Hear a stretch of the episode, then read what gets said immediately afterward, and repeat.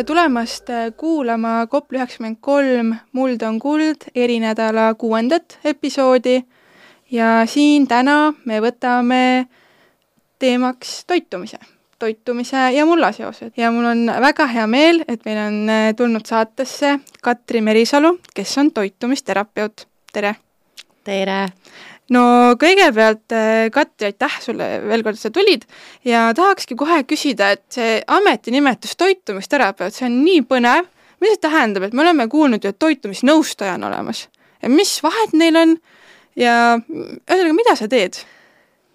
toitumisnõustaja, toitumisterapeudi selline suurim erinevus kindlasti on ähm, kvalifikatsioon kui selline, et äh, paber ja, ja mis haridus sul on ennekõike, et äh, täna äh, toitumisnõustajaks sa saad õppida mitmetes äh, ütleme siis teiste äh, toitumisterapeutide funktsionaalse toitumise spetsialistide, arstide käe all, kes siis õpetavad, koolitavad pikad koolid, koolitused, mis saab läbi teha. Ja siis sa lõpetad, saad toitumisnõustaja paberi. Ja toitumisnõustaja ennekõike tegeleb mm, sellise toitumisbaasteadmiste jagamisega.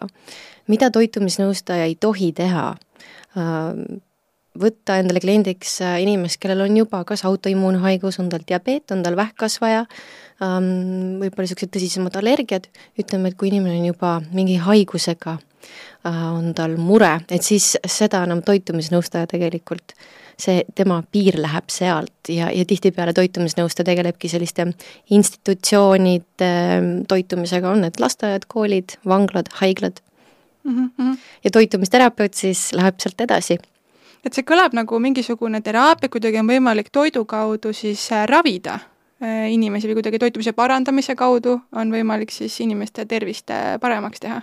saab kindlasti tõsta elukvaliteeti, saab anda tagasi inimesele läbi teadliku toitumise selline vägi, võtta vastutus oma toitumise üle, mis ju tegelikult mõjutab kõike, mida me sööme, missugune meie tervis on, närvisüsteem, kuidas toimib ja võib-olla ka sellist ellusuhtumist mm. -hmm. Aga ometigi meile see kõik toit ju tuleb mullast, eks ole. et ilma selleta me keegi ei sööks, ähm, ei saaks kasulikke aineid kätte et, et milline sinu isiklik seos äh, mullaga on? mis tuleb, tuleb sulle pähe, kui sulle öelda muld? see on nii vahva küsimus, ma, ma mõtlesin selle peale, et mis see mulla ühendus siis on ja mm, tulid väga sellised filosoofilised äh, mõtted ennekõike. loomulikult tohutu austus mulla, mulla vastu, ma näen seda ka niimoodi võib-olla spirituaalselt kui sellist pidevat elu-surma Äh, tsüklit ja head näidet sellest, äh, meenuvad ka lapsepõlvest võib-olla sellised huvitavad seigad. Äh, süüa mulda, süüa porgandit või sibulat, tõmmata peenra vahelt, mis on mullane, süüa seda niimoodi, et terve suu ja nägu on mullane ja õige maitsev. ja ma arvan, et mullal või üldse maapind kui selline, et see on ikkagi maandava efektiga inimesele kas sulle isiklikult ka, kas sa kasvatad midagi, kas sa oled näpud mullas inimene?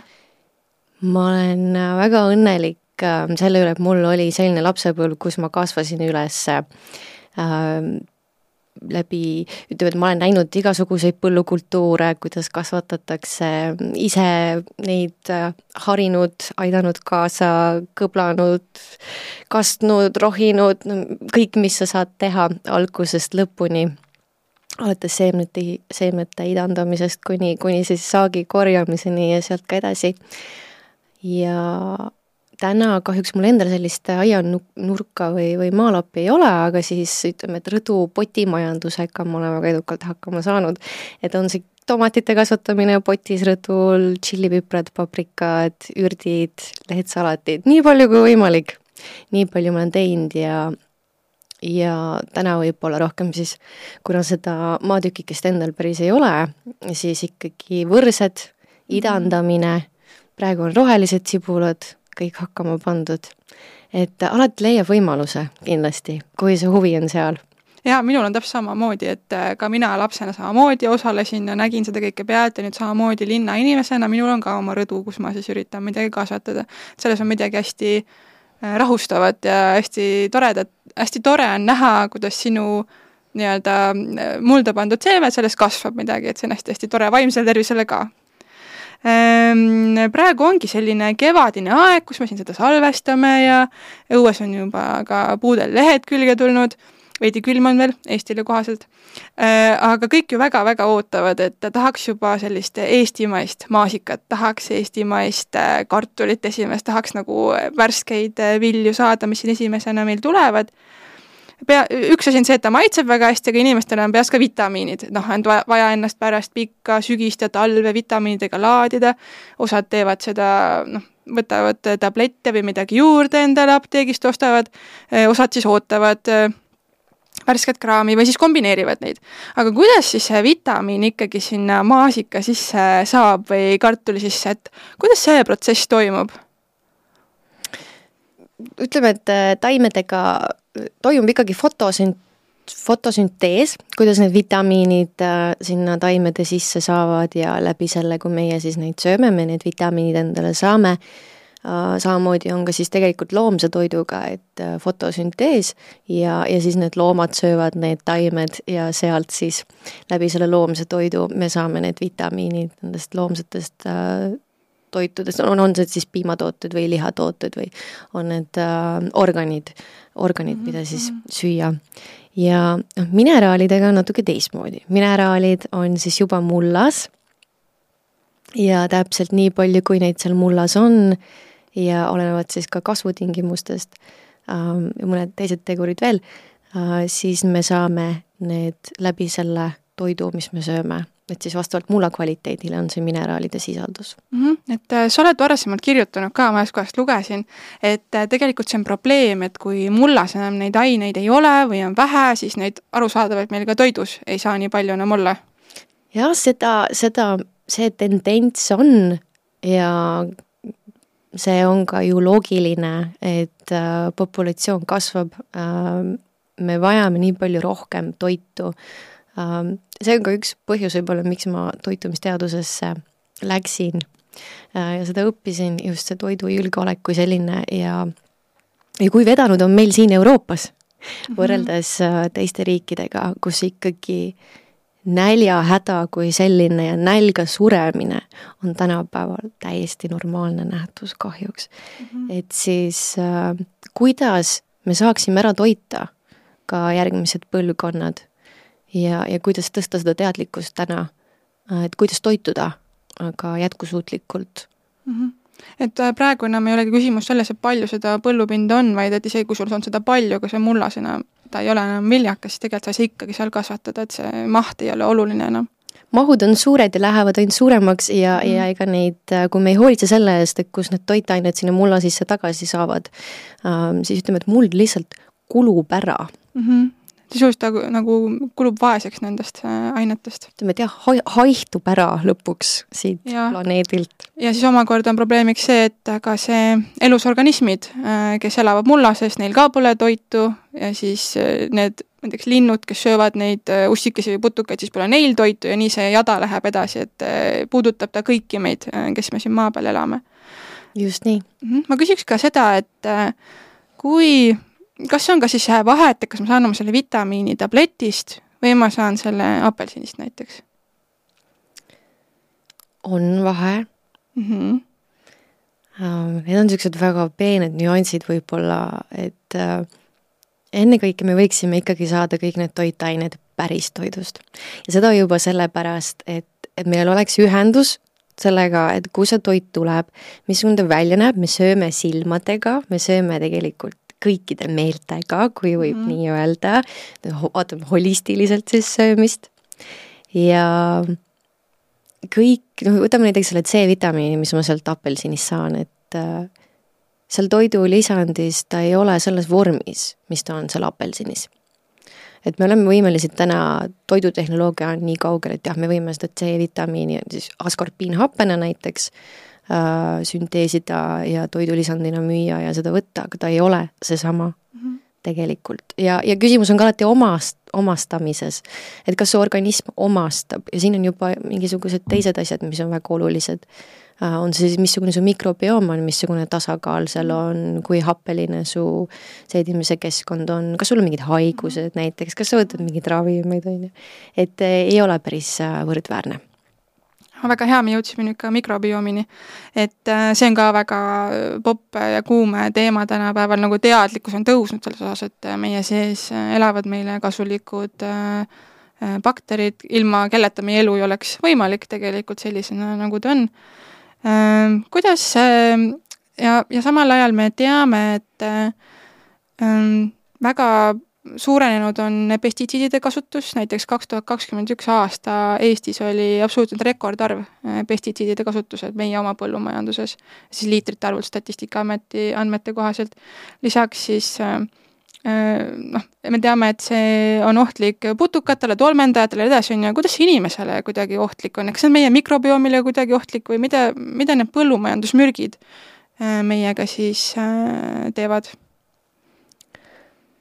Ütleme, et toitumisterapeudina täna ja ka mikrobiomi spetsialistina ma kindlasti ei paneks nagu südamele või see on, see on selline ennetav mm -hmm. äh, suhtumine, eks ole, et, et kuidas keegi seda võtab, mõned inimesed tahavad korralikke fakte, uuringuid mm, -hmm. äh, tõestust, eks ole, enne kui nad usuvad, siis on need inimesed, kes äh, soovivad olla teadlikud ohust, mis võib olla mm -hmm. tervisele ja, ja kui me mõtleme kõige rohkem haavat-, tuttavamate inimeste peale, kes on ähm, lapseootel naised, aga ütleme, et ma loeks siia alla ka viljakas eas naised, kes äh, soovivad ühel päeval lapsi saada.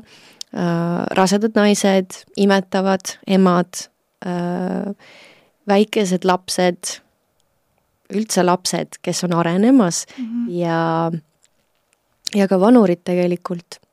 Ja siia hulka ka autoimmuunhaiged inimesed, kes me teame, et juba see immuun immuunsus on tundlikum, siis nendele mina küll soovitaksin äh, vältida äh, selliseid kõvasti mürgitatud, väest, väetatud äh, toitu süüa mm. -hmm. ja, ja ka siin on ka see koht, et juba jälgida, et kuidas kuidas mu organism tegelikult tunneb ennast või missugused sümptomid võivad tekkida, kui ma söön seda Kreeka maasikat näiteks peale pikka talve. Ja ma ei söö võib-olla seda kaks-kolm tükki või viis, vaid ma söön terve kilo.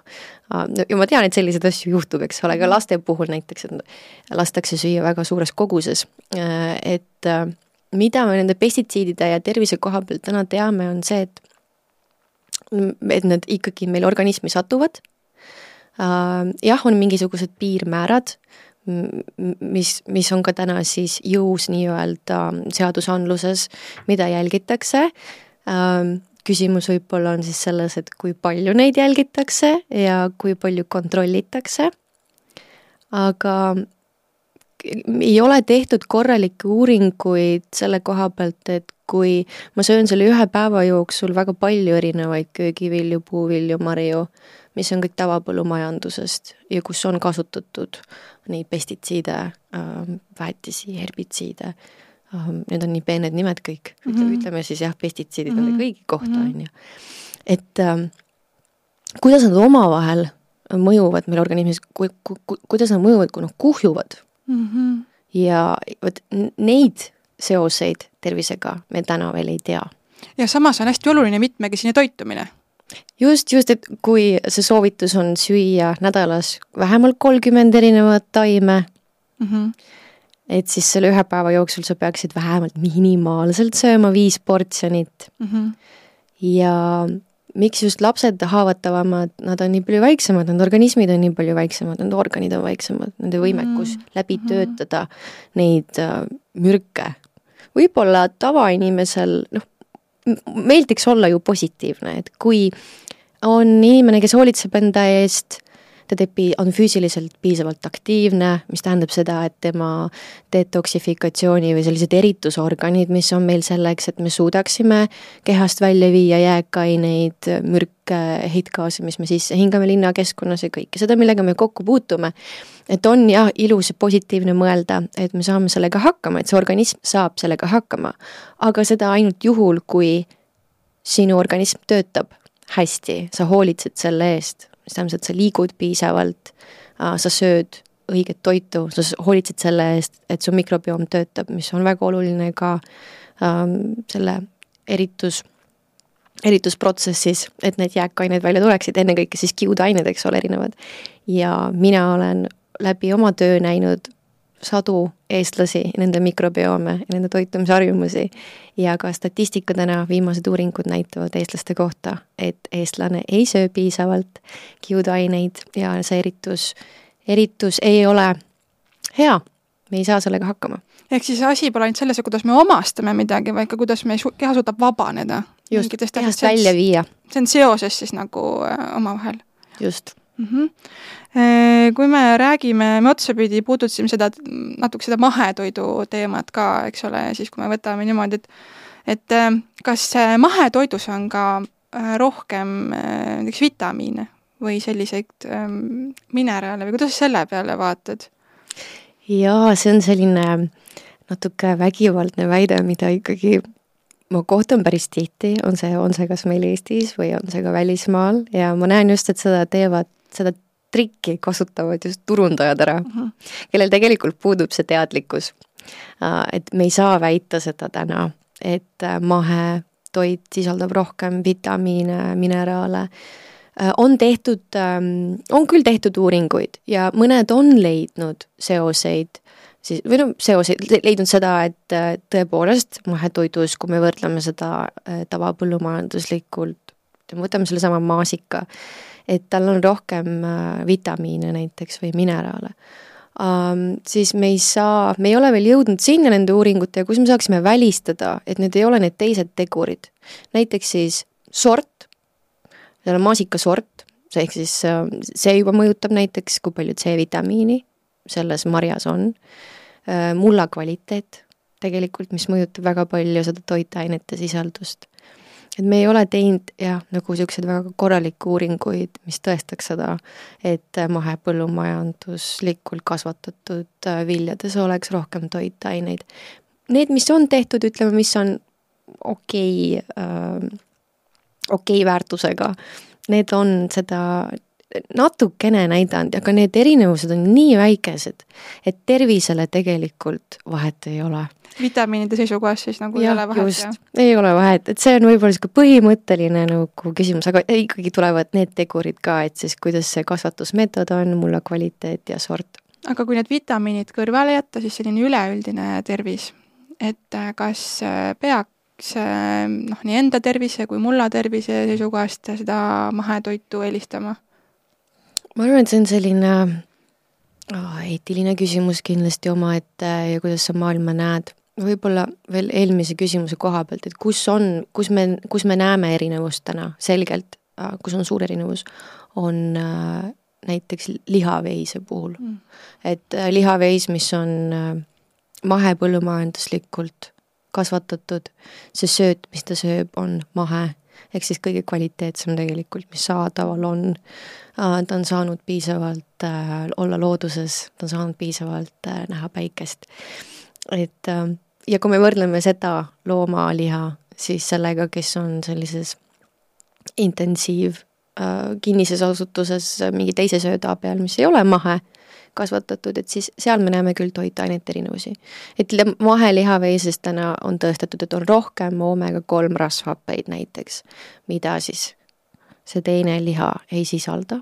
Et ma arvan, et ähm, see on niisugune asi, mida küll täna saab päris korralikult välja tuua ja huvitav on ka see, et kui ma olen Eestis jälgin näiteks, et see maheliha hind tegelikult ei ole nii palju, see, see ei ole nii suur hinnavahe kui võib-olla nende puuviljade, marjade koha pealt on ikkagi äh, vahe väga suur.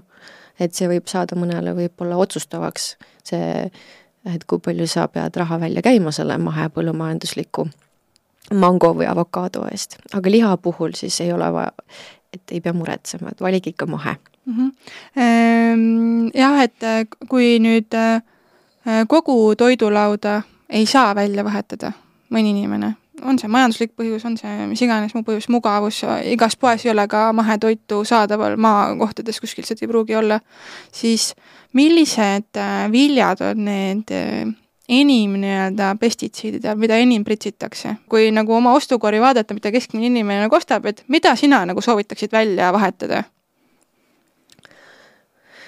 see küsimus võib olla, et kas kõik toit peaks olema mahe, mis me sööme, kui sa otsustad enda jaoks, et see on põhimõtteline asi sinu jaoks, siis äh, väga tore, kui sa saad seda võimaldada rahaliselt, fantastiline, tee seda, toeta mahepõllumajandust.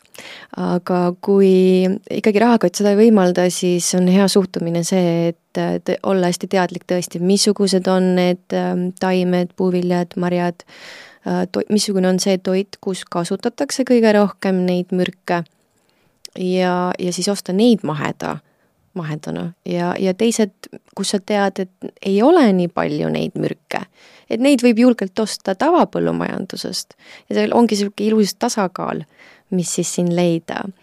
meil Eestis ei tehta selliseid uuringuid, tähendab, mina ei ole veel näinud selliseid korralikke, ma tean, et Maaülikool ikkagi pisteliselt teeb ja on seal kindlasti mm, tudengis, tudengeid, kes teevad oma lõputöid sellel suunal ja siis me saame sealt äh, informatsiooni Eesti kohta. aga tegelikult äh, mina jälgin informatsiooni, mis on just Ameerikast pärit, kus iga aasta siis tegelikult antakse välja see nimekiri, mis on kõige mürgisemad või ütleme siis, mis on, kus, mis, kus kõige rohkem kasutatakse pestitsiide.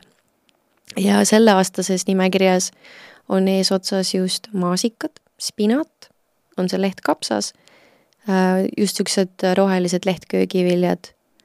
Äh, alati on ka nimekirjas iga-aastaselt olnud luuviljalised, ehk siis virsikud, nektariinid, ploomid, aprikoosid, need ka sellel aastal, õunad, viinamarjad on alati iga aasta esindatud, äh, ka paprikad, erinevat värvi, kirsid, mustikad ja rohelised oad siis sellel aastal just ennekõike. võrreldes eelmise aastaga, siis seal oli ka seller mm. -hmm aga sellel aastal seda nimekirjas ei ole. noh, et siin tuleb arvestada seda, et see on Ameerika nimekiri, aga ütleme, et sellised põllumajanduspraktikad äh, ja need trendid, siis et missuguseid väetisi kasutatakse, missuguseid pestitsiide kasvatamisel, et need ikkagi tulevad meile ka üle mm. -hmm. et natuke saab šnitti võtta ja seda nimekirja meeles hoida, et siis neid vilju võiks osta mahepõllumajandusest ja, ja teised viljad siis võivad olla tavapõllumajandusest ja sa ei pea nende pärast muretsema. kui see küsimus on nüüd see, et ma jätan üldse selle vilja söömata, siis see ka ei ole hea mõte.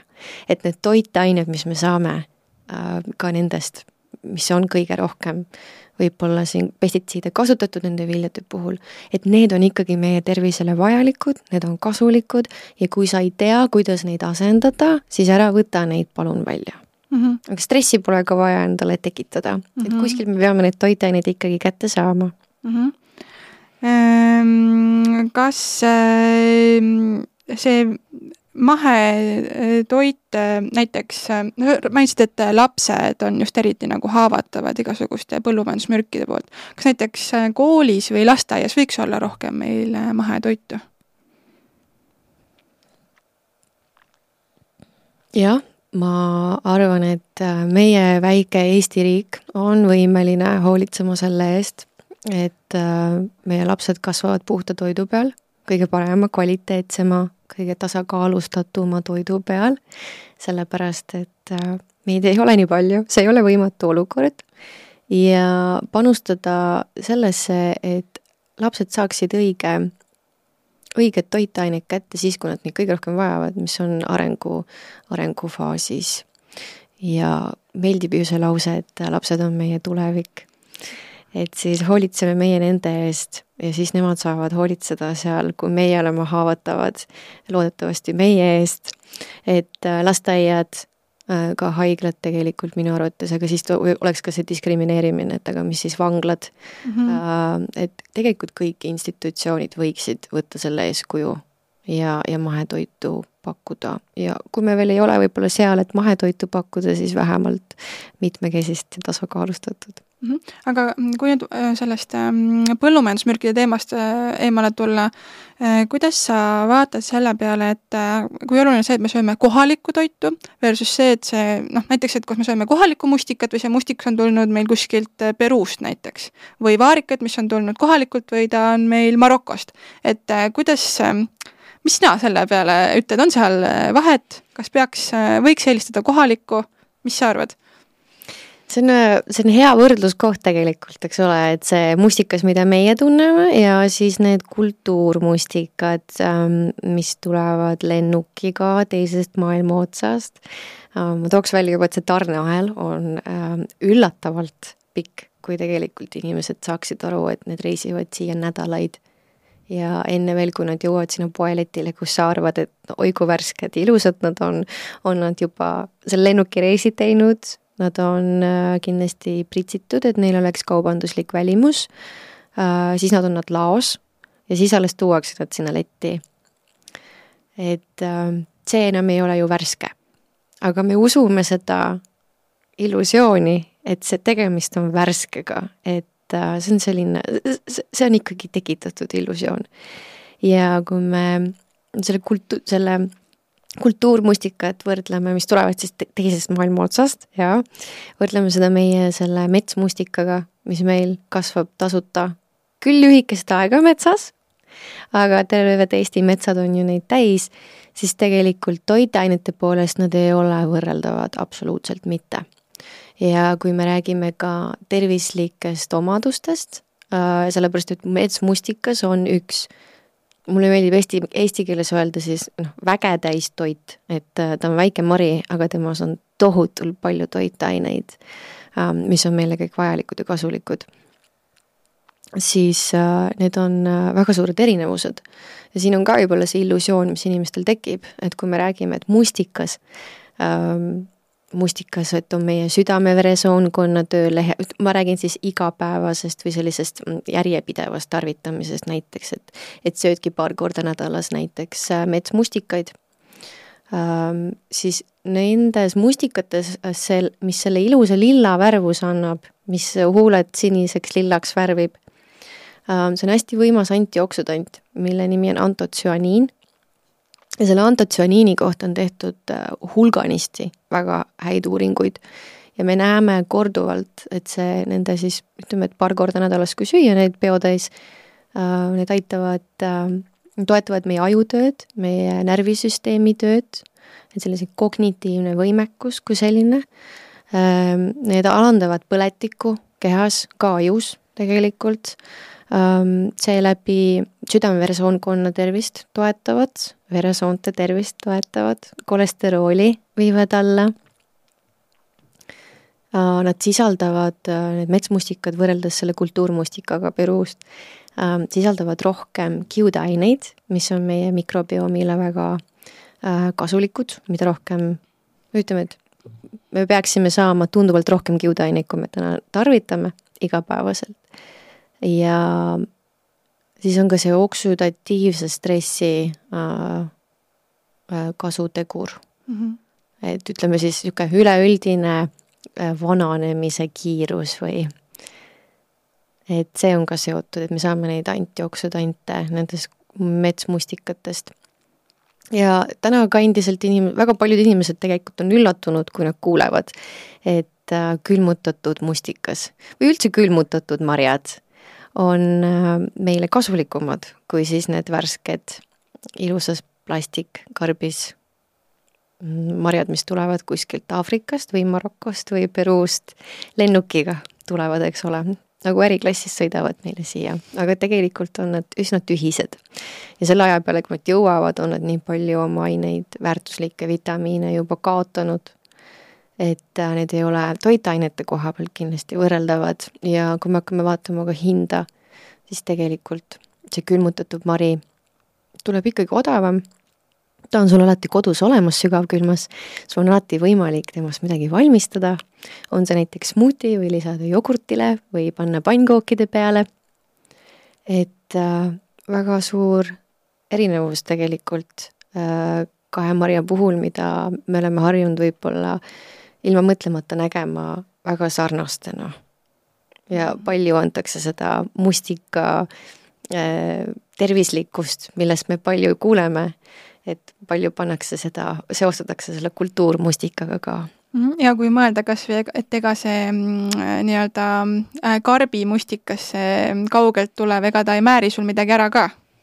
Ta ei nagu noh, et juba see tegelikult äh, ja võib-olla nagu väikelapse emale kodus on see meeldivam, äh, et jah, aga ei ole tegemist ka sama, sama kasuteguriga mm. -hmm. aga see kohalik toit ähm, versus see toit, mis tuleb kaugemalt, et siin on nagu hea mõelda sellise teadliku sööja filosoofia peale võib-olla, et toitumise puhul, õige söömise puhul on kaks olulist aspekti, mida jälgida. üks on kindlasti, et toit, mida me sööme, peab olema emotsionaalselt meeldiv, see on oluline. teine aspekt on see, et me peame olema ratsionaalsed me peame olema mõõdukad ja, ja sealt tuleb see ilus tasakaal, mida hoida toitumise puhul. Et väga tore on süüa keset jaanuarit, veebruarit ananassi või mangot, aga võib-olla oleks hea inimestele endale esitada see küsimus, et mis see jalajälg on, kui igapäevaselt ma söön seda ananassi ja mangot, et ütlen ausalt, ma ei ole aastaid juba poest mangot ostnud, värsket. sellepärast, et mind hoiab tagasi see äh, suur mitmekordne pakendamine, mis selle ühe mango puhul on. ta on äh, üsna kallis, kui ma selle koju toon ja ma selle lahti lõikan ja siis ta ei ole selline küpse, nagu ta võiks ideaalis olla. võib-olla on ta juba pruuniks läinud, äh, võib-olla ta on seal poes liiga kaua juba istunud Äh, ja, ja ongi tarneahel tegelikult on ju jälle mitu nädalat pikk, sest ta tuleb kuskilt Lõuna-Ameerikast või kuskilt või Aafrikast. Et äh, ma olen harjunud ostma aastaid juba külmutatud mangot, mis on korjatud sellel ajal, kui on hooaeg, kui ta on kõige küpsem. tänane toidutehnoloogia võimaldab äh, tundidega tuua saagi Äh, puhastada, prepareerida, pakendada, kiirkülmutada, nii et tegelikult kõik need vitamiinid jäävad sinna sisse ja, ja ma ei pea seda prepareerima, ma ei pea pettuma, ma tean, et ma saan kvaliteetse mango, lihtsalt ma olen kuidagi otsustanud, et mind see ei häiri, et ta natuke külm on, sest ma panen selle palava pudru peale või võtan natukene varem siis äh, sügavkülmast selle portsjoni välja. ja jääb ära ka toidu raiskamine sest pettumus on tegelikult suur, kui sa selle mango koju tood ja ta ei ole selline, nagu ta võiks, siis see on üsna pettumust valmistav mm. -hmm. Katri, kas, kas võib öelda, et äh, kui inimesel äh, on see võimalik, siis kvaliteetne toit ja võimalusel teatud aspektides mahetoit on asi, millesse võiks investeerida? kas see on pikas perspektiivis investeering ka tervisesse? ma arvan, et kui sul on võimalik, siis äh, see on õige koht, kuhu investeerida. ja teha seda ka selle mõttega, et sa toetad keskkonda, sa toetad oma, no mina noore naisena jaa, ma ei osta neid äh, mürgis, mürgisemaid, pestitsiidide rikkamaid, ma tean seda nimekirja, et ma neid ikkagi väldin. sellepärast, et äh, täna me peame arvestama ka seda, et kui inimese keha on stressis näiteks, siis need eritusorganid, võtame näiteks maksa. kui ta on ülekoormatud, sest et ma olen stressis näiteks ja me elame sellises kultuuris täna, kus enamus inimesi tegelikult on stressis. sa ei pruugi sellest aru saada. ja need asjad, mis stressi tekitavad, need on nii erinevad inimestel, see on väga individuaalne, võib-olla sa oled lapsepõlvest saadik stressis olnud mõne trauma pärast ja sa ei saa isegi aru sellest aga see tähendab ka seda, et sinu füsioloogia ei tööta niimoodi, nagu ühe rahunenud, lõdvestunud, õnneliku, terve inimese füsioloogia töötab. ja kui üks organ on mõjutatud, on ka teised organid juba mõjutatud ja nende töö, et siis võib-olla, kui sa oled stressis äh,, ei, ei töötas organism niimoodi, et sa suudaksid kõik need pestitsiidid, mürgid, need heitgaasid, mis sa iga päev tänaval sisse hingad, ütleme, et võib-olla sa ei, ei, ei liiguta ennast piisavalt palju, et juba sa ei tule läbi naha need ained sul välja nagu võiksid ideaalis, võib-olla sa võtad ravimeid võib-olla sa võtad näiteks beebipille igapäevaselt ja sellega sa juba väga palju rikud oma organite tööd, mis peaksid tegelema sellega, et kõik see jääkained ja mürgid ja need pestitsiidid tuleksid kehast välja. et siis kui selle peale mõelda, siis jah, kui sul on võimalik, siis osta mahepõllumajandusest toitu, et, et kindlustada seda, et sa saaks vähem neid mürke läbi toidu, on kindlasti hea mõte ja see kindlasti panustab äh, ka sinu tuleviku tervist, eriti kui me arvestame, et tänapäeva inimesed on võimelised elama vabalt sajaaastaseks. ja tegelikult ju me ei tea ka neid uuringuid, et äh, kuidas need erinevad mürgid äh, niimoodi kogunevad ja kui palju neid välja tuleb ja, ja ennem ei olegi inimesed nii kaua elanud üldse et meil ei olegi tõestusmaterjali, et see kõik on murevaba mm. -hmm. ja meil on äh, praegu äh, ka selline elukalliduse kriis või kõik hinnad äh, tõusevad ja tihti, noh, ma ise näen näiteks erinevates Facebooki gruppides inimesed arutavad, et kuidas saaks kokku hoida ja tihti esimene asi on toit, minnakse toidukulusid vähendama kas siin võib olla mõttekoht, et võib-olla, et kvaliteetne toit või mitmekesine toit võiks olla üks viimastest asjadest, et kus me hakkame nii-öelda kokku hoidma, et see toit on ju tõesti meie tervise jaoks nii oluline, mida me sööme. ja see hirmupaanika on täiesti üles aetud, aga noh, isegi ja, ja mida rohkem seda hirmu üles köetakse, seda rohkem sellest ütleme, teadlikkusest, ühisest süsteemist me nagu seda endale külge võtame isegi kui sa ise ei ole mõelnudki selle peale, et siis see hirm nagu tükib ligi, et aga kui sa hakkad nüüd mõtlema ja mina näiteks väga tervitan seda, et toiduhinnad on läinud kallimaks. seda põhjusel, et see on oluline, äh, põllumehed, äh, farmerid, talunikud, tootjad, nemad tegelikult ei, ei saa äh, ei ole saanud võib-olla seda õiget hinda kätte selle kõige olulisema töö eest, mis nad teevad. ja, ja inimesed ongi kuidagi ära harjunud, et toit peab odav olema, aga see ei ole absoluutselt tõsi. see peabki olema tasakaalus sellega, et ka äh, need toidutootjad saaksid õige äh, tasu selle suure töö eest, äh, mida nad teevad mis äh, on alati väga riskantne tegelikult, eriti kui me räägime Eestis, kus meil on üks hooaeg, äh, sul võib tulla põud, sul võib tulla sõda kõrval, äh, sa ei saa töölisi oma maasikapõllule või üldse appi põllu peale, sul jääb võib-olla põllukultuur korjamata, mida, alati võib midagi untsu minna seal otsas.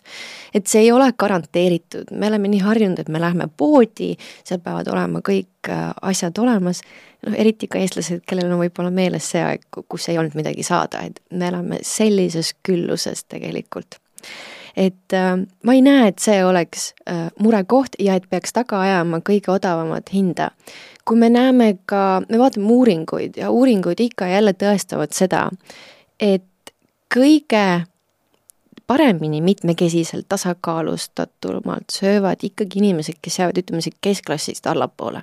Mitte päris nüüd absoluutses vaesuses inimesed, kes elavad loomulikult, aga just need, kes peavadki mõtlema selle peale, et kuidas ja mida ma ostan poest, et ma saaksin selle konkreetse raha eest nüüd elatud.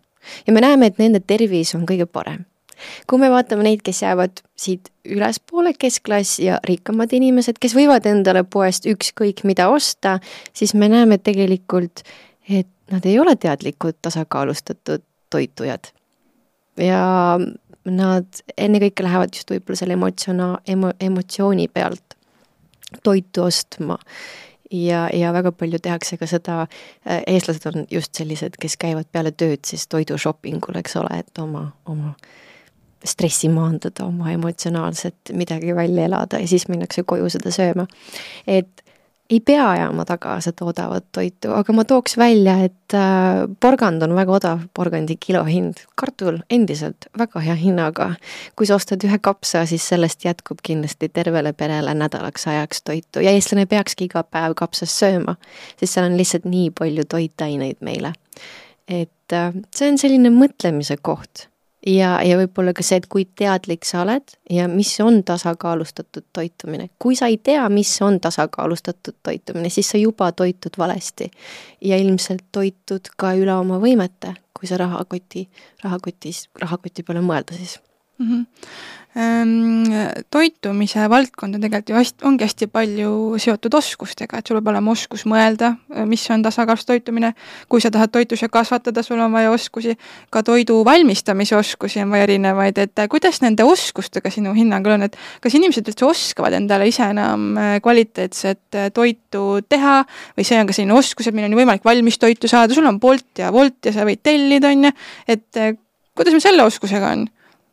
Väga vähe tehakse süüa, eriti peale koroona äh, siis tulid ka kuidagi need kuller platvormid väga teemasse või võib öelda jah. ma arvan, et see, see missugune, kuidas kõik on kallimaks läinud toit ja elu, et see aitab nüüd väga hästi tasakaalustada seda, et sa ei telli enam Boltist võib-olla, vaid sa peadki ise tegema süüa, mina seda väga tervitan. Äh, sest see toob selle ühenduse toiduga ja, ja sa saad aru, et see aeg ja armastus, ma ei taha öelda vaev, sest tegelikult sa ju, sa teed seda iseendale, sa teed seda oma perele. Ähm, ma loodan, et pered äh, kokavad ka koos näiteks, ähm, sest see võikski niimoodi olla, see võiks olla see ühine kvaliteetne, kvali-, kvaliteetaeg et tegelikult see, et inimesed nüüd on võib-olla sunnitud äh, natuke mõtlema selle peale, et odavam on ise teha toitu, et see võib ka meie tervisele olla kasulikum. Jaa, et kui sa võtad selle kartuli ja hakkad seda koorima, et siis see on igal juhul sulle kasulikum, kui seda friikartulit osta meeletu hinna eest tegelikult, mis on fritüüritud äh, mingisuguse odava taimerasva sees, mis tekitab pigem kehas põletikku.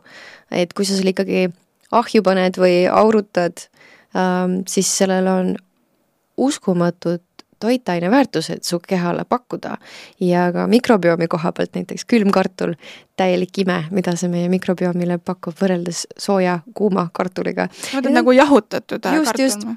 Mm.. selline viimane mikrobiomi teadus, äh, et see kuumkartul ja süüa kartulit soojana mõjutab meie veresuhkurt väga hüppeliselt, viib veresuhkru ülesse, äh, mis ei ole see, mida me väga soovime toitumise puhul ja aina rohkem tuleb ka tõendeid selle kohta, kui, kui drastiliselt sellised äh, veresuhkruhüpped ikkagi mõjutavad. Neid põhjuseid on väga palju, miks veresuhkruhüppeid vältida aga kui süüa nüüd seda külma kartulit, mis on keedetud näiteks, maha jahutatud, siis äh, see ei tõsta veresuhkurt nii drastiliselt. ja, ja samamoodi on ta meie mikrobiomile äh, väga heaks toiduks, sest seal on sellised kiudained, seal on resistentne tärklis ja see on väga konkreetne kiudaine siis äh, teatud bakteritele mikrobiomis, kes on meile väga kasulikud. et sellised väikesed asjad tegelikult, kui sa suudad need äh, teadlikuks teha endale, siis on sul ka lihtsam neid, mm, neid äh, otsuseid teha, et kas ma tellin Woldist need friikartulid selles mitte kvaliteetses rasvas fritüüritud, kes teab, millal seda fritüüriõli üldse vahetati viimane kord, mis tekitab põletikku, või siis ma keedan selle kartuli, võidan rahas ja võidan ka tervises tegelikult. see mm, toitumises selliste muutuste tegemine võib olla ka raske et äh, just harjumuste muutmine ja tihti on hädas sellega mm, lastega pered, et äh, tahaks küll muuta, tahaks midagi tervislikumat tuua, vot lapsed ei söö seda või nad ei taha seda ja tihti siis nagu toidulauda vaadatakse selle järgi, et noh, et kõik midagi vähemalt sööksid. et mida sa soovitad inimestele, kes tahaksid muutust teha, aga vot näe, mõni pereliige ei tule kaasa või, ähm, või lapsed ei, ei taha või mida siis teha sellises äh, olukorras? Ma arvan, et see koos tegemine kindlasti on üks äh, hea viis, kuidas tuua kõik nagu teadlikult sellesse protsessi. et kui sa ikkagi ise panustad aega ja ise oma kätega teed, siis see toob selle ühenduse selle toiduga lähemale ja on suurem tõenäosus, et sa sööd seda suurema ootuse ja ja, ja kohalolekuga. laste puhul kindlasti on oluline see, et ärge andke alla kohe peale esimest, teist, kolmandat korda proovida äh, uusi asju või, või tutvustada köögivilju ja, ja teha seda mängulisel viisil, et äh, see selline kultuuriline nii-öelda vana tõde, et toiduga ei mängita, et äh, viskaks selle köögist ja laua tagant välja, et näeme maailma uutmoodi äh,, kuidas lastele tutvustada neid äh, köögivilju või uusi maitseid ja me, mida me näeme, on see, et see üheksas, kümnes, üheteistkümnes kord proovida neid uusi asju, uusi maitseid, on see, kus tal võib-olla tekibki see, äh, et oh, jaa, see on hea. ja läbi eeskuju ka lastele hästi palju ikkagi, et see on klassika, kuidas tulevad toitumisteraapiasse täiskasvanud meesterahvad, kes äh, kriimsutavad mingisuguse asja peale nina, on see siis kala, mis on võib-olla mingi väikelapse trauma endiselt, mida ta on kaasas endaga kandnud, mida ta siis söögilauas täiesti mitteteadlikult juba äh, väljendab.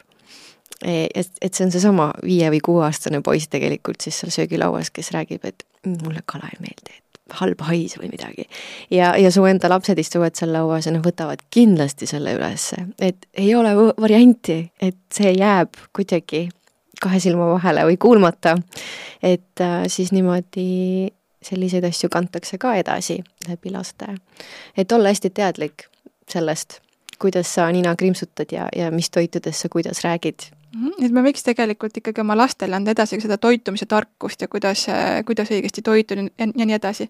ja üks teema, mida noh, me natuke oleme seda puudutanud, on see kogu mikrobioom ja mikrofloora ja meil mullas on ka äh, mikrofloora, seal on elustik kogu looduses tegelikult igal pool, kus sa kohtad äh,, sa näed seda, et kuidas me saame siis äh, enda sees olevat äh, mikrobiomi, mis see üldse on ja kuidas toetada? Mikrobioom on äh, ökosüsteem, mis äh, koosneb erinevatest bakteritest, mm, eri, seal on erinevad elusorganismid, on seal seened näiteks, seal on äh, viirused erinevad, ähm, ja see kõik on selline imeline ökosüsteem, et ta töötab täiesti omaette ja tal on ka oma selline võimekus, ütleme, ta on ikkagi intelligentne ökosüsteem. Ja, ja täna me näeme seda ökosüsteemi, mis seal soolestikus elab näiteks, sest et on ka ju naha mikrobioom ja on suus omaette mikrobioom ja äh, siis see soolestiku mikrobioom on äh,, ta on huvitav äh, ta on väga trendikaks viimasel ajal saanud, sest et me õpime kogu aeg rohkem ja rohkem, kuidas see ökosüsteem panustab siis meie tervisesse ja kui palju ta mängib rolli ka vitamiinide sünteesil näiteks, missuguseid vitamiine me toodame ja ja mis ikkagi see tasakaal on, mida me taga ajame, et mikrobiom võiks olla tasakaalus et mida see tasakaal endast kujutab, et kuidas ta on nii intelligentne, et ta töötab, kõik see kompott, kõik need erinevad bakterid ja viirused ja mõned on ju, pidid ju, bakterid pidid üldse ju halvad olema, eks ole, ja kuidas nüüd järsku see kõik töötab omaette ja, ja me nagu kuidagi väga hästi sümbioosis terve meie ülejäänud organismiga niimoodi, et ta mõjutab isegi meie närvisüsteemi tööd mõjutab seda, kui palju me toodame serotoniini, õnnehormooni, seega ka siis melatoniini tegelikult, sest need on sarnased äh, toime, töö, töömehhanismid. Äh,, kui palju, kui palju me tunneme dopamiini kui palju, kuidas meie seedesüsteem töötab ähm,, kuidas see seede meil läbi käib, see on mõjutatud mikrobiomi tööst. Äh, täna me oskame ka seostada seda, et kui on vaesunud mikrobioom näiteks või ei ole tasakaalus, missuguste tõsisemate haiguste puhul me näeme seda, et kas siin võib olla seos ja, ja kuigi juba noh, on leitud äh, neid seoseid, siis need ei ole veel nii tugevad, et me saaks kindlasti öelda, et ma räägin siis väga niisugusest tugevast teadusest, et me näeme, me, me näeme neid erinevusi küll, et kui on vaesunud mikrobioom, siis on inimesel ka rohkem autoimmuunhaigusi või, või täna viimased uuringud toovad välja, et kui inimesel on degeneratiivsed närvisüsteemi haigused, Alzheimer, Parkinson, et siis sellel inimesel on läbi elu olnud probleem näiteks kõhukinnisusega. ja tal ongi kõhukinnisusprobleem, et nendel inimestel, kellel on siis need degeneratiivsed närvisüsteemi haigused, et neil on kõhukinnisus ja vaes on mikrobioomi, kas siin võiks olla mingi tõsisem seos, kas see on midagi, mida me saame mõjutada, kas see on midagi, kui me saame ravimeid välja mõelda, et mõjutada, et inimesed ei oleks selle haigusega, ei peaks äh, silmitsi seisma. ja loomulikult igasugused allergiad ähm,, ja see mikrobiom on mõjutatud ka siis et kui see ökosüsteem seal mõjutab meie närvisüsteemi, siis me teame ka seda, et see äh, infovahetus töötab mõlemat pidi. et äh, hea näide näiteks stressi näidet tuua, et äh, see mikrobiom on sul väga kena, ütleme, et on tasakaalus, sa hoolitsed selle eest, sa, sööd õigeid kiudaineid, sa teed trenni, aga siis sinu päevas satub mingi olukord, kus tekib ohtlik olukord, ütleme näiteks liikluses või sul tekib mingi konflikt kellegiga ja, ja sa lähed endast välja, stress tekib, siis tegelikult paari sekundiga see info jõuab sinna mikrobiomi ja, ja see mikrobiomi kompositsioon muutub juba äh, ebanormaalseks või selliseks äh, tasakaalust läheb välja. et see ei ole ainult toitumine, mis siis seda ähm, ökosüsteemi seal mõjutab näiteks. Mhm. kas seda mikrobiomi ohustavad ka äh, noh, säilitusained näiteks, mis ongi mõeldud selleks, et mikroobe ju hoida vaos, mis on toidus, või samamoodi need põllumajandusmürgid või kuidas, mida me selle kohta teame? jaa, kõik sellised, äh, me teame, ravimid mõjutavad, on need antibiootikumid, nende kohta me teame eriti palju. Äh, antibiootikumid ju ei vali, äh, keda nad tapavad, see on nagu tuumapomm, ta lööb lihtsalt platsi puhtaks, seepärast ka siis kõhu, kõhulahtisus tavaliselt peale antibiootikumi kuuri on tavaline nähtus me näeme noh, ka teiste ravimite puhul, et kui sa ravimeid võtad, siis, siis peab veel eriti hästi turgutama mikrobiomi, ka beebipillid näiteks või siis jah, beebipillid äh, on selline igapäevane asi, mida äh, naised võtavad, mis tegelikult mõjutab mikrobiomi kompositsiooni, äh, ehk siis see mikrobiom vaesub ja seeläbi ta ei toeta sind nii, nii efektiivselt, kui tegelikult see võimekus on. Ehm, mis, mis veel, loomulikult need mürgid, need pestitsiidid, mis meil on äh, toidus, sest me sööme need sisse. et see on võib-olla üks mahe, mahepõllumajandus, miks valida neid tooteid, neid äh, taimi, neid puuvilju, äh, köögivilju mahepõllumajandusest, et kui sa tahad oma seda mikrobiomi tasakaalu hoida, kompositsiooni hoida võimalikult mitmekesisena, sest et me näeme ka, et need inimesed, kes elavadki väga pikka iga, näiteks ähm, sada aastat ja rohkem ja nad on terved. Ähm,, neil ei ole mingisuguseid tõsiseid haigusi, me näeme, et nende inimeste mikrobiomid on väga mitmekesised. Ja me, me täna näeme ka, meil on teadlikkus läbi heade uuringute, et missugused need bakterid seal on, mis seal esinevad. Ähm,. et kui sa tahad elada pikka iga tervena, siis on hea hoolitseda selle eest, et see mikrobiom oleks võimalikult mitmekesine see tähendab, et siis seal võimalikult palju eri liike põhimõtteliselt äh, elaksid koos? võimalikult palju erinevaid baktereid mm. -hmm. ja see on, äh, ma saan aru, et see on ka igal inimesel unikaalne, et seda on vaja ikkagi noh, ongi väga-väga hoida, et see ei ole samasugune. jah, ütleme, et äh, kui sa ühel nädalavahetusel jood veini ja sööd krõpsu ja mingisugust rasvast vorsti, et siis see ei mõjuta nii drastiliselt seda mikrobiomi kompositsiooni, kui sa muidu, muidu viljeled tasakaalustatud teadlikku toitumist. aga kui sa oled äärmuslik, mis tähendab seda, et sa väga pikka perioodi toitud väga halvasti, mitte siis kiudainete poolest mitmekesiselt, sa ei söö oma köögivilju ja puuvilju ja marju äh, ja täistera teravilju äh,. või su toidukorrad on kaootilised, et on sul perioode võib-olla, kus sa ei söögi, et on väga palju inimesi, kes tegelikult ei söö lõunapausi ajal või ei söö hommikusööki näiteks, et sellised äärmus, äärmused mõjutavad seda mikrobiomi väga, väga tõsiselt äh,. depressioon kui haigus, aga sellised äh, tõsisemad haigused võivad siis mõjutada seda mikrobiomi nii drastiliselt, et, et see kompositsioon, et mõned bakterid on võimelised seal täitsa välja surema. ja kui ta on nullis välja surnud, siis seda tagasi täna meil teadlikkust tuua ei ole.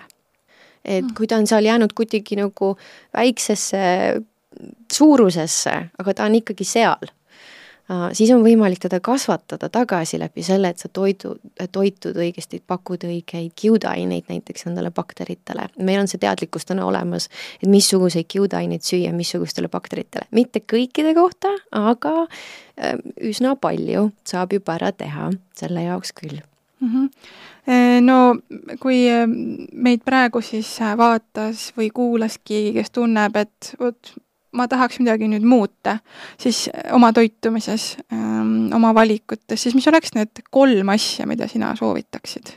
esimesena siis vaadata või mõelda või, või ümber teha? nii tervise kui mulla, mulla jaoks siis või? jah, mõtleme niimoodi jaa, kindlasti äh, number üks on äh, võtta vastutus oma elu eest, et ähm, toituda teadlikult, teha endale selgeks, me elame täna ikkagi info, info, infoühiskonnas, et kõik vastused on väga lähedal, et äh, esita õigeid küsimusi, uuri, kuula, õpi, tee endale see teema selgeks. kui üksi on raske, pöördu spetsialisti poole, tee endale mulle meeldib ikka öelda, et toitumisterapeudi, toitumisnõustaja juurde on mõtet pöörduda, et teed ühe korra selle asja selgeks õpid, kuidas see tasakaalustatud mitmekesine toitumine, teadlik toitumine äh, on või mis see tervislik toitumine sinu jaoks on, sest need on väga erinevad. täna me räägime rohkem ikkagi personaalsest, äh, individuaalsest ähm, toitumisest, et me kõik ei ole ühesugused, meie vajadused on erinevad, et see ongi võib-olla see, mis see mikrobiomi mikrobioom meile pakub, et kõik need mikrobiomid on erinevad ja neil on ka erinevad soovid siis seeläbi aga ka meeste-naiste erinevus näiteks kindlasti, et seda ei ole siiamaani nii palju vaadatud.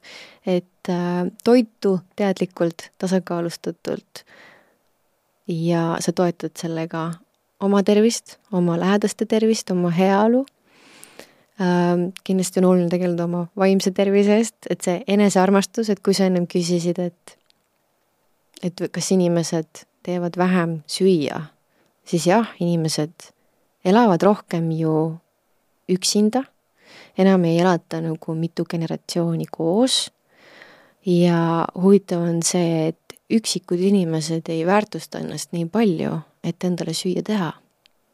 ja tavaliselt öeldaksegi, et ah, mis ma ikka endale teen, et ma olen ju üksinda. et kui mul oleks perekond või mul oleks kaaslane, vot siis ma teeksin süüa. et võib-olla see on see koht, kus mõelda järgi, et kui väga sa ennast armastad, kui väga sa väärtustad ennast, et sa teed siiski, mis siis, et sul ei ole võib-olla suurt perekonda ümber, keda toita. ja toidu koha pealt äh, kindlasti toidu raiskamine on selline teema, mis ma arvan, mille peale tuleks rohkem mõelda Eestis ja ka ähm, sealt järgmine samm prügi sorteerimine, toidujäätmete sorteerimine, kuidas me saame panustada sellesse, et me toodame seda kvaliteetset toitainerikast mulda ikka tagasi, et me ainult ei võtaks ja ei tarbiks. et äh, õige prügi sorteerimine, komposteerimine äh,, nende toitainete säilitamine sest me ju sööme täna tõesti nii kvaliteetset toitu veel, et ärme mõtle selle peale, mis paarikümne aasta pärast võib-olla on, et täna meil on võimalus seda kõike tagasi tuua siia ringi. et see toit, mida me ka kümne, kahekümne, kolmekümne aasta pärast ostame või ise kasvatame, et see sisaldaks endiselt äh, neid paljusid toitaineid mm. -hmm. see oli nii ilus äh, mõte äh, siia lõppu, et äh, mõelge ka, et äh, tooge seda väärtust siia mulda tagasi et äh, seda nii-öelda rikkalikku äh, toidulauda jätkuks ka järgnevatele põlvedele. aga aitäh sulle, Katri! Äh, aitäh, meie kuulajad ja vaatajad, on väga mitu teist episoodi, mida meie Youtube'i kanalilt vaadata, muld on kuld erinädalal ja kui teile see meeldis, siis likeige ja jagage, soovitage sõpradele ja kohtumiseni!